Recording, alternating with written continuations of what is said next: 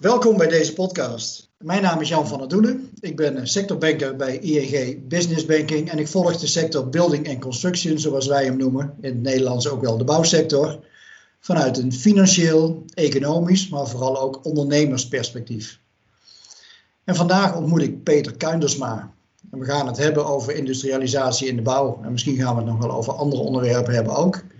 Peter is werkzaam bij Ingeni, met dubbel I aan het eind, bouwinnovatie. Uh, dat maakt onderdeel uit van de Nieman Groep, een raadgevend ingenieursbureau. Met de slogan: Wij maken gebouwen en hun omgeving beter, veilig, duurzaam en comfortabel. Uh, Peter, welkom bij, uh, bij deze podcast. we hebben al een kort voorgesprekje gehad. heel interessant wat jouw inzichten zijn op het gebied van industrialisatie in de bouw. Maar uh, voordat we daarover beginnen, uh, kun je even wat vertellen uh, over het, de organisatie waar je voor werkt. niemand raadgevend ingenieursbureau, maar vooral Ingeni. wat de relatie is tot het thema industrialisatie in de bouw. Wat jullie rol daarbij is en hoe je dat in de praktijk tegenkomt of hoe je het verder brengt. Kun je daar even, even op ingaan? Ja, dankjewel voor deze intro, uh, Jan. Uh, nou, zoals je al uh, zei, werk ik voor de, de, de jonge, net nieuwe onderneming Ingenie Bouwinnovatie, onderdeel van de Nieman Groep. Um, het leuke is dat de Nieman Groep is eigenlijk een ingenieursbureau waar we eigenlijk heel veel advies geven op het gebied van bouwregelgeving, bouwfysica, bouwtechniek. Um, en waar we heel veel kennis toepassen in onze dagelijkse projecten die op ons bureau voorbij komen. En wij zien dat als wij zelf hetgeen blijven doen wat we altijd al deden, dan, ja, dan krijgen we wat we kregen. Dus wij zien ook dat stilstand achteruitgang is en dat we ja, vooruit moeten kijken. En uh, een van de dingen die daaruit voortgekomen is, is uh, ja, eigenlijk sinds april vorig jaar de, de, de onderneming Ingenie Bouwinnovatie, waar ik voor werk. En wij gaan vanuit deze onderneming innovaties vlot trekken in de bouw en de bouw helpen, helpen innoveren. Onder andere op het gebied van industrialisatie. Ja, oké. Okay. Uh, Ingenie, een lastige naam. Uh, ik moest ook even wennen aan de uitspraak, maar waar, waar, waar staat het ook alweer voor? Hoe, hoe kom je aan die naam? Ja, de, Ingenie komt van het woord mare ingenie, wat eigenlijk staat voor C van, van vernuft, vernuftigheid. Daar komt het vandaan. En de mare ingenie, dat is een, ja, eigenlijk een krater op de achterzijde van de maan. voor, in ieder geval vanaf de aarde onzichtbaar. Dus het staat een beetje voor het onbekende en voor, ja. voor innoveren wat mij betreft.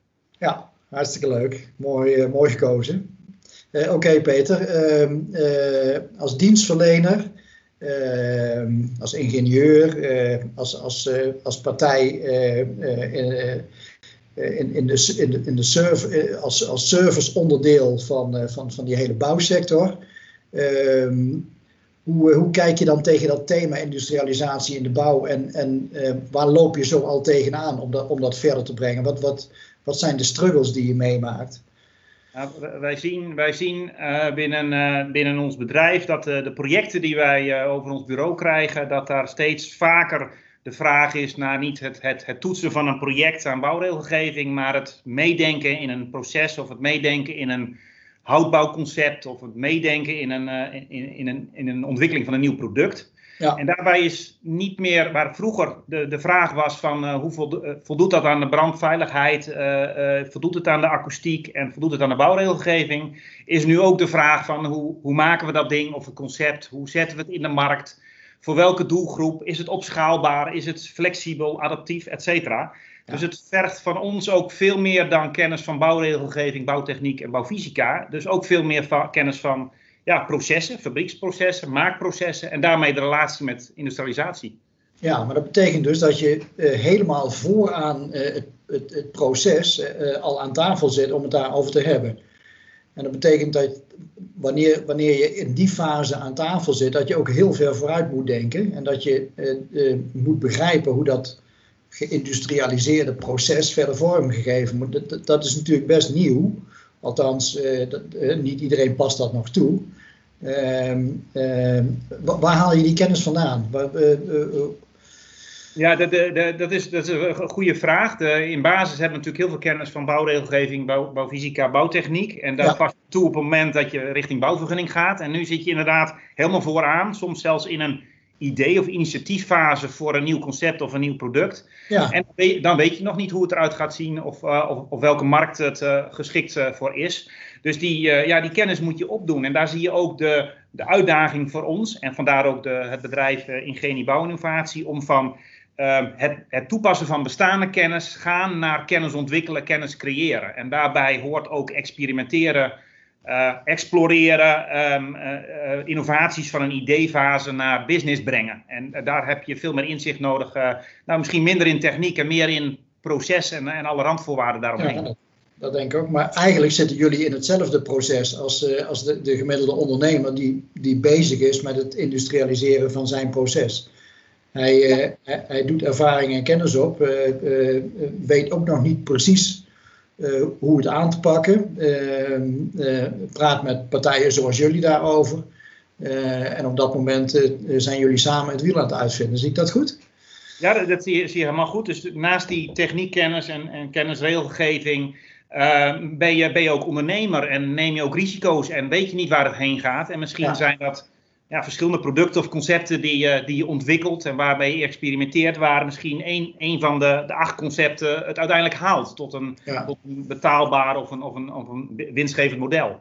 En dat is uh, inderdaad hetzelfde ja, zoektocht als een, als een ondernemer in bijvoorbeeld de prefab-industrie. Ja.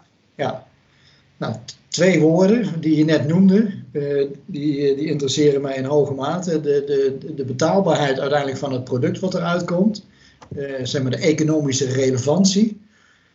Uh, hoe benader je dat? Uh, kijk, ik, ik, snap heel goed dat betaalbaarheid bijvoorbeeld van woningen op dit moment onder druk staat, hè, omdat de prijzen van woningen erg gestegen zijn.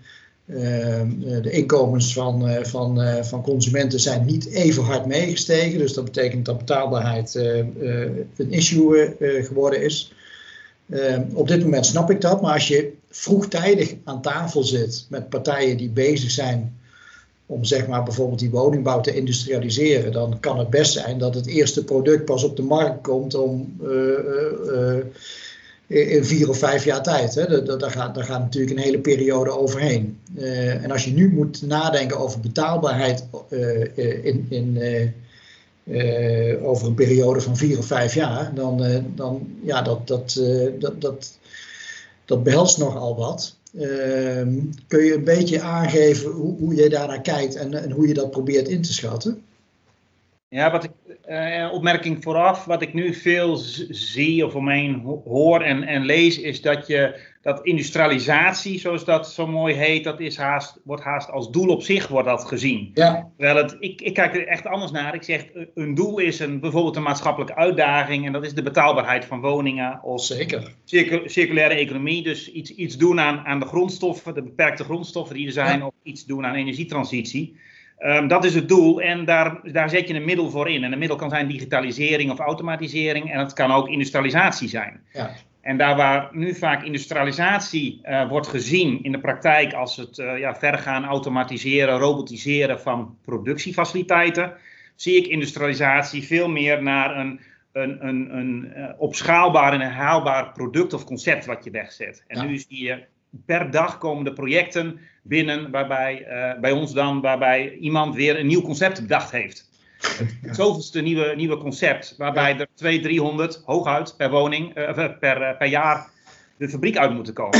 Ja. Dan denk ik, dan is het maar zeer beperkt herhaalbaar en opschaalbaar. En dat is denk ik de grote, grote bottleneck ook om die kostenreductie uh, te realiseren. En daarom zie je volgens mij ook, maar jullie kennen de getallen beter dan ik, uh, dat, dat die kostenreductie, of in ieder geval de prijs die omlaag gaat, nog niet echt te zien is.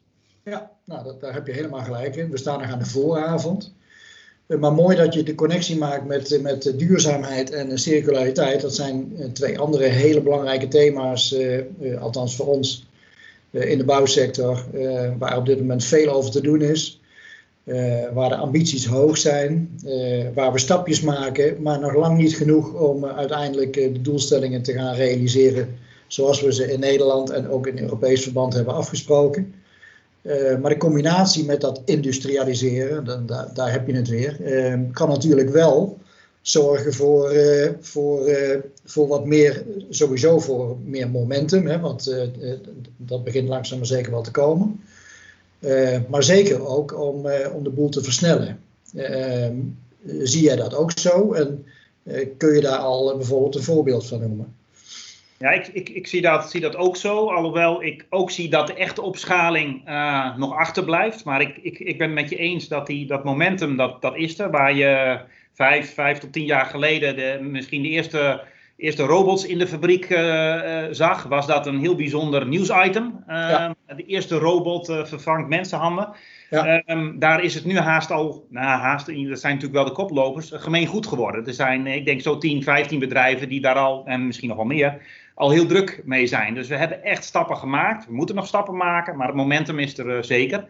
Dus we, we zien ook wel dat we, dat, dat, we, uh, dat we steeds meer kunnen produceren en tegemoet kunnen komen aan die enorme vraag die er is. Alleen het, het probleem zit hem denk ik in dat die, prijs, die kostprijs niet omlaag wil, omdat nou, als je het vergelijkt met echte industriële processen waarbij miljoenen producten de band aflopen, bijna massaproductie, mm -hmm daar zie je echt een kosten, uh, kostenreductie door een soort, soort leercurve wat ontstaat. Ja, zeker. En bij ons, uh, we redden het misschien om twee jaar flink veel woningen of, of, onderdelen van woningen te produceren. En dan vraagt de markt weer om iets anders. En dan moeten we ons fabricatieproces weer opnieuw gaan inrichten. Ja. Dus bij ons is het, um, dat is denk ik de grootste uitdaging, de, de, het product, of nee, het, het project is eigenlijk maatgevend. Terwijl je eigenlijk het proces en het product maatgevend wil zijn. Ja, ik ben het helemaal met je eens. En over kostenreductie gesproken. Ehm, eh, hebben jullie daar uh, berekeningen voor gemaakt? Durf je een, een, een gooi te doen naar de, de, de mogelijke kostenbesparing die, die je daar kunt, daardoor kunt realiseren? Ik heb, ik heb zelf geen berekeningen gemaakt. Hier, hier binnen, binnen Ingenie Wouwinnovatie ook niet. wel in mijn bij mijn vorige werkgever TNO hebben we wat, uh, wat uh, nou, literatuurstudie gedaan, wat onderzoek gedaan en wat berekeningen gemaakt. Ja. En daar kwamen we ook op basis van uh, rapporten van McKinsey bijvoorbeeld, die daar mooie getallen over geven. Dan gaat het overigens wel steeds over nieuwbouw en nieuwbouwprojecten en niet de renovatieopgaven. Klopt. Um, en daar waren, ja, waren kostenreducties van, uh, van 20, 30 procent uit mijn hoofd waren daar uh, haalbaar. Alleen dan waren het wel de best practices. En dan moet alles goed gaan. Dan moet het met regelgeving meezitten. Dan moet je een geautomatiseerde fabriek hebben. Dan moet je digitalisering op orde zijn. Dus door de hele linie, van initiatief tot eigenlijk beheren of uitvoering, moet je geoptimaliseerd hebben. En dan ja. kun je dit soort ja, reducties halen. Dan is nog wel de vraag is dit ook een reductie van de prijs die de klant betaalt? Peter, dat is een uh, geweldig mooi punt. Uh, ik, ik, uh, ik, ik had hem al zitten voorbereiden, maar je, je, je kopt hem in. leg dat eens uit en, en, en hoe werkt dat dan? Ja, nou ja, ik, ik, ben wat dat betreft geen specialist, maar ik, ik denk dat het als volgt werkt. Je, werkt. je ziet fabrieken op grote schaal investeringen doen in machinerie. Oftewel de machine, eh, de, de lopende band of de robot of, of eh, ja, wat, wat voor apparaat dan ook vervangt mensenhandjes. En dat is goed, want die mensenhandjes die, die worden schaars of die zijn schaars aan het worden. Dus ik, ik denk dat, dat, ook, eh, dat er ook geen andere optie is. Dat betekent eigenlijk dat je kapitaalintensiever gaat produceren. Je gaat investeringen aan voor, voor meerdere jaren. En er wordt vaak natuurlijk ook een fabriekshal of iets dergelijks bij. En die investeringen, die moet, ergens moeten die betaald worden. Dat zijn vaak leningen of, of eigen geld, eigen middelen. Um, dus in basis, volgens mij, zie je die doorbrekend worden aan de klant en wordt het product soms zelfs nog wel duurder. Um, en dat is, is beperkt duurder, uh, maar je ziet nog niet die kostenreductie, omdat die investering, die gaat natuurlijk over een, een bepaald aantal jaren afschrijving. Ja. Um, en die investering kun je alleen terugverdienen als je lange tijd dezelfde producten, of vergelijkbare producten, volgens hetzelfde proces maakt. En niet na twee jaar weer een ander product moet maken, want dan komt er weer een nieuwe machine. Ja.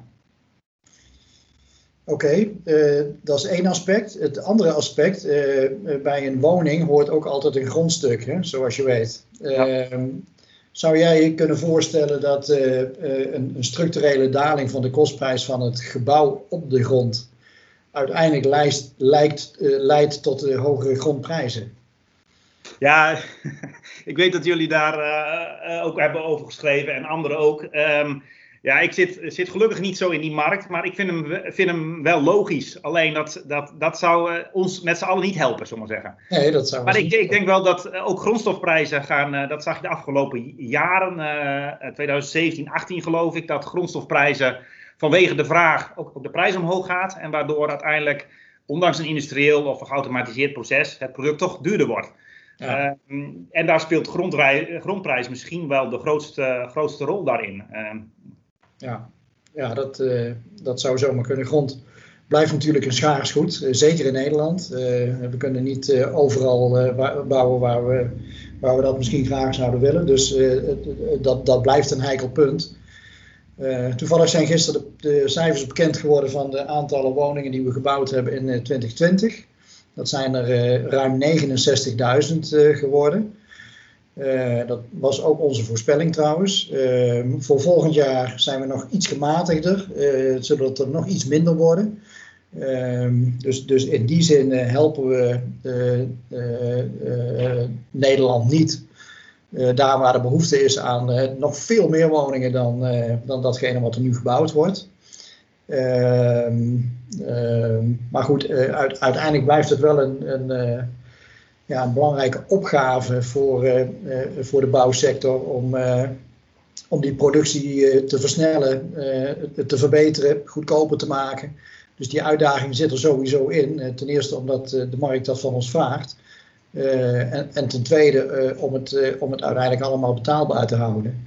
Ehm, we hadden het in relatie tot die industrialisering, Peter, ook over duurzaamheid en circulariteit. Ehm, ik, ik, zei al dat onlangs uit een rapport van PBL, Planbureau voor de Leefomgeving, is gebleken dat we qua circulariteit nog niet zo heel ver zijn in Nederland. De bouw levert natuurlijk een bijzondere bijdrage aan het circulair worden van, van, van onze economie. Wat zou er moeten gebeuren om, om dat nog een boost te geven? In, in, in, in combinatie tot, dat mag, maar ehm, ja, we zien dat daar ook versnelling nodig is, net als bij die industrialisering. Hij ziet eigenlijk inderdaad het, eh, de, de, het opschaalbaar zijn of het herhaalbaar zijn ook als uit, grote uitdaging bij circulariteit. Circulariteit wordt natuurlijk veel gezien als het winnen van grondstoffen uit de gebouwde omgeving en die opnieuw toepassen. Um, En er wordt echter één ding vergeten, dat is, dat is niet herhaalbaar en opschaalbaar, omdat al die producten die je wint uit gebouw, die zijn in basis niet bedoeld om het te gebruiken. En wij doen heel veel moeite, en dat is denk ik ook goed, om die producten wel herbruikbaar te maken. Maar daardoor is het proces inefficiënt, is het product of het project wederom bepalend. En, en niet, niet, niet het proces in een fabriek of zo, waardoor het ook nog vaak duurder is. Om dat echt uh, meer te gaan, uh, te, te, te, gaan opschalen, moeten we denk ik de combinatie zoeken met de energietransitie, die ook al volop loopt. En je ziet dat dat nu als twee aparte thema's, energietransities en daartegenover eigenlijk circulariteit, uh, als aparte thema's in de markt wordt, wordt gehanteerd. En dus zie je dat aan de kant van de energietransitie wordt heel veel geïnvesteerd in isoleren, luchtdicht bouwen, warmtepompen, PV-panelen. Dus eigenlijk alleen maar meer materiaal. Terwijl aan de circulaire kant zou je eigenlijk alleen maar minder willen. Ja. En eigenlijk moet je die twee ook koppelen om naar een optimaal, flexibel, adaptief gebouw te gaan. En dat wordt helaas nog te weinig gedaan. Ook omdat regelgeving natuurlijk en voor energietransitie regel, uh, regelgeving is, de zogenaamde BANG onder andere. En, en voor circulariteit wordt dat een beetje ja, gedrukt onder, onder, onder uh, materiaalprestatie gebouwen, NPG. Terwijl circulariteit ook veel meer is. En wil je dat opschalen, dan moet je ze samen in het ontwerp uh, mee gaan nemen. En dan kun je echt, echt stappen zetten. Ja, er is veel te doen over die MPG eh, eh, de laatste tijd in, eh, in het nieuws. Dat krijg je ongetwijfeld ook mee. en er is een, vraagstuk, misschien ook wel leuk om even jouw reactie daarop te horen. over het feit dat CO2-opslag in bijvoorbeeld een houten gebouw niet als asset wordt meegenomen in die, in die MPG-norm. ben je het daarmee eens? Hè? Zou het wat jou betreft ook zo moeten zijn eh, dat dat wel als een, eh, als een voordeel uh, wordt meegerekend in, uh, in, uh, in die NPG-norm? Ja, ik, denk, ik denk dat ja, ik ben van mening dat het wel zou moeten. Alleen de grote vraag, en daar heb ik nog niet het antwoord op, daar, daar zullen we onderzoek met z'n allen op moeten doen. En TNO is daar geloof ik ook nu mee bezig, is hoe ga je het meerekenen? Um, want de, de, de kunst is natuurlijk, kijk, die, die CO2 waar we het over hebben, um, die, die sla je op in een, in een boom en die komt een keer vrij. En de grote discussie is van hoe, hoe ziet die tijdspannen eruit? En we zitten nu in, en het woord zegt het al, zowel voor energie als circulariteit in een transitie. En we hebben nou eenmaal te maken met een bepaalde energiemix die we hebben, eh, nodig hebben om onze om huizen te, te verwarmen. En, om, uh, nou, en, en we hebben steeds meer hout nodig om te voldoen aan die circulariteitsuitdaging. Ja, ja, ja. En als je van vandaag op morgen zou zeggen, ik zou alles uh, beton vervangen voor hout, ja, dan hebben we een ander probleem. Want dan is wel, komt wel in één keer al die CO2, uh, die kapje, zullen maar zeggen. En die groeit niet in, de, in dezelfde snelheid aan. Dus er zit een, een tijdsaspect. En daar moeten we in de regelgeving of in de bepalingsmethode goed over nadenken van hoe je dat gaat meenemen. Ja. Nou, dank. Uh, dank voor deze actuele toelichting op, een, uh, op een ook al actueel onderwerp. maar goed dat hierover gesproken wordt. Ja. ja. dat vind ik ook. Ja, dat vind ik ook. even, even een ander punt, Peter. Ehm, dit zijn toch allemaal wel majeure wijzigingen in, in, in de manier waarop we bouwen en gaan bouwen in de toekomst. ik heb zelf het idee dat, dat de bouw als sector voor aan, aan, aan het begin staat van een, van een zeer interessant decennium met, met, uh, met allerlei ontwikkelingen die we net genoemd hebben. en nu zijn er ook altijd, dat, dat, hoort daarbij als, als veranderingen groot zijn, zijn er ook altijd partijen die uiteindelijk garen spinnen bij die ontwikkeling. Dus, dus, dus echt uh, de, de, als winnaars uit de bus komen. En, en, uh, en partijen die, die daar best wat moeite mee hebben om, om op die manier aangehaakt te blijven bij zo'n verandering, in zo'n belangrijke verandering in de sector. Wie, wie, zijn in, in jouw opinie uiteindelijk de, de winnaars in, in de sector die uiteindelijk deze thema's op een hele slimme en goede manier omarmen. de, de, de, winnaars, dat zijn de bedrijven, denk ik, met, met een duidelijke missie, visie en, en lef ook, om dit soort investeringen te doen. Ja. Um, bedrijven die niet, en daar reken ik onszelf ook toe, die niet stil gaan staan en gaan afwachten, maar proactief deze ja, gave, complexe uitdagingen aangaan. Ja. Uh, zijn volgens mij de, de, de winnaars. De, de, de, de bedrijven met ondernemersdrang, visie en lef, als ik het zo mag samenvatten. En ik zal, ga bewust geen namen noemen, maar je kunt wel wat bedrijven wellicht in dat, uh, dat rijtje noemen. Maar ook bedrijven die niet het pad kiezen of pad gaan bewandelen van uh, industrialisatie of, of, of geautomatiseerde productie. Ook zij kunnen, denk ik, zich blijven onderscheiden. Er is ruimte genoeg voor, voor beide. We, we hoeven niet allemaal geïndustrialiseerde woningen. Er worden nog voldoende villa's en aanbouwen en, en one-of-a-kinds gebouwd. Dus oh, daar ja, zeker. ook nog oh, ja. Vraag is, hoe zorg je ervoor dat je ook met uh, nou, thema's als digitalisering omgaat en je, ook daar kun je je eigen proces efficiënter maken waarschijnlijk. En, en de vraag is, hoe doe je dat? En het wil niet zeggen, het roer om en ik ga in, uh, een industriële aanpak in mijn fabriek uitrollen. Dat, dat hoeft echt niet volgens mij. Ja, ja. Nou, zo, zo, denk ik er ook over. Uh, dank daarvoor. Uh, last but not least, een, een, ander vraagstuk wat hier ook heel erg bij hoort, dat is het, het opschaalcriterium. althans, de manier waarop die, dat, dat opschalen wordt georganiseerd. het is hartstikke nodig, gelet ook op de grote investeringen die gepaard gaan met eh, circulariteit, duurzaamheid, eh, maar vooral die industrialisatie, eh, om, om schaal te organiseren, op, op wat voor manier dan ook. want anders dan gaan die investeringen natuurlijk niet terugverdiend worden en dat, dat hoort er wel bij. Ehm, ik zie dat langzaam maar zeker een klein beetje gestalte krijgen in Nederland. Ehm, maar schaal is nog steeds een, een hele grote uitdaging in, in die versnipperde markt zoals de bouw dat is op dit moment. Uh, met heel veel spelers, uh, uh, met heel veel verschillende vragers. Super complexe markt, veel wet en regelgeving. Hoe gaan we die, die, die schaal creëren? Hoe gaan, we, hoe gaan we dat doen in de praktijk? Wat is jouw mening? Ja, ja je, je, je legt mij een, een probleem voor waar, waar menigeen zich over gebogen heeft en waar, ja. waar ik ook niet een pasklaar antwoord op, op heb. Nee. Uh, ik ben het helemaal met je eens dat die, die schaalgrootte van belang is. Als je kijkt naar uh, hoe dat bij de PV-industrie, de, de PV-panelenindustrie is, is gegaan. En dan kijk je, dan noemen we dat zo mooi de Swanson's Law. waarbij je zeg maar 20% prijsdaling ziet, of kostprijsdaling ziet. Ja, ja. Een verdubbeling van het, wat was het, het cumulatieve aantal panelen wat verkocht werd. En dat, maar daar heb je het inderdaad over een aantal spelers. ik weet niet eens hoeveel er zijn, 10 spelers wereldwijd, grote spelers. Die PV-panelen produceren. In de bouw, een gefragmenteerde sector, je, noemt, je noemde het al even, is, wil iedereen zijn graantje meepikken. Iedereen heeft zijn eigen taartpuntje.